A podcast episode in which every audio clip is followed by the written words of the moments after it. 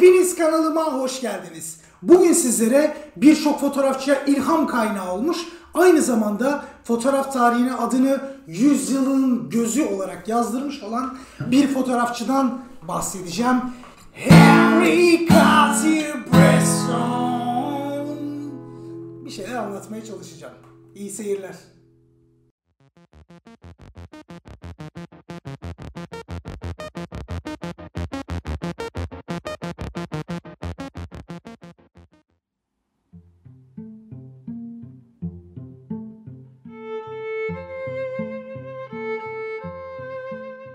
Henry Cartier-Bresson 22 Ağustos 1908 yılında Fransa'da Paris'in küçük bir köyünde dünyaya gelmiştir.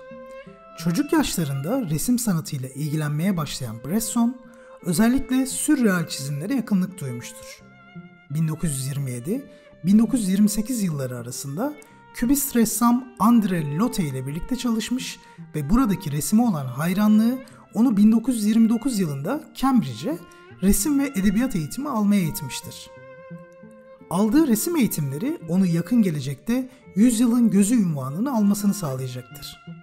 Çocukken sahip olduğu Brownie marka fotoğraf makinesiyle fotoğrafçılığa ilk adımını atan Bresson, profesyonel fotoğrafçılığa 1930 yılında başlamıştır. 1931 yılında kısıtlı bir parayla Afrika'ya giden fotoğrafçı orman yaşamını belgelemiştir. Fakat Karasu hummasına yakalanınca Fransa'ya dönmek zorunda kalmıştır. 1933 yılında Benim Gözümün Uzantısı dediği Leica'sını almıştır. İlk sergisini de yine bu yıl New York'ta açmıştır.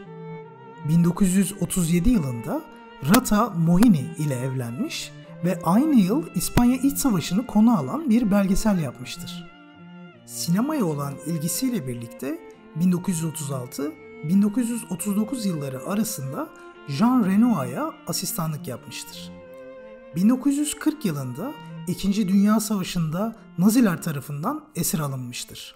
1943 yılında 3. denemesinde kaçmayı başardıktan sonra Fransız yeraltı direnişine katılmıştır. 1945 yılında sürgünlerin Fransa'ya dönüşünü anlatan Dönüş adlı filmi çekmiştir.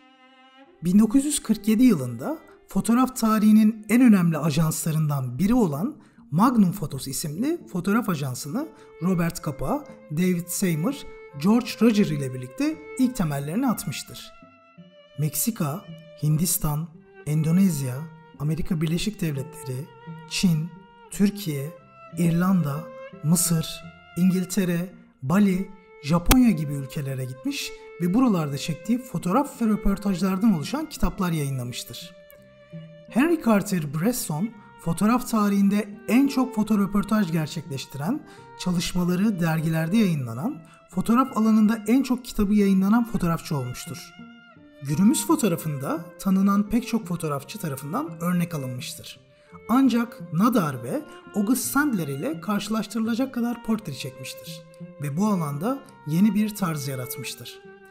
Fotoğraf üzerine düşüncelerini ise 1952'de Karar Anı adlı makalesinde formüle etmiştir.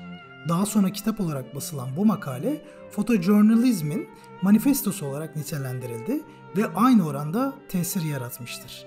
Paris'te adını taşıyan bir vakfı bulunmaktadır. Ayrıca adına uluslararası fotoğraf ödülleri de verilmektedir.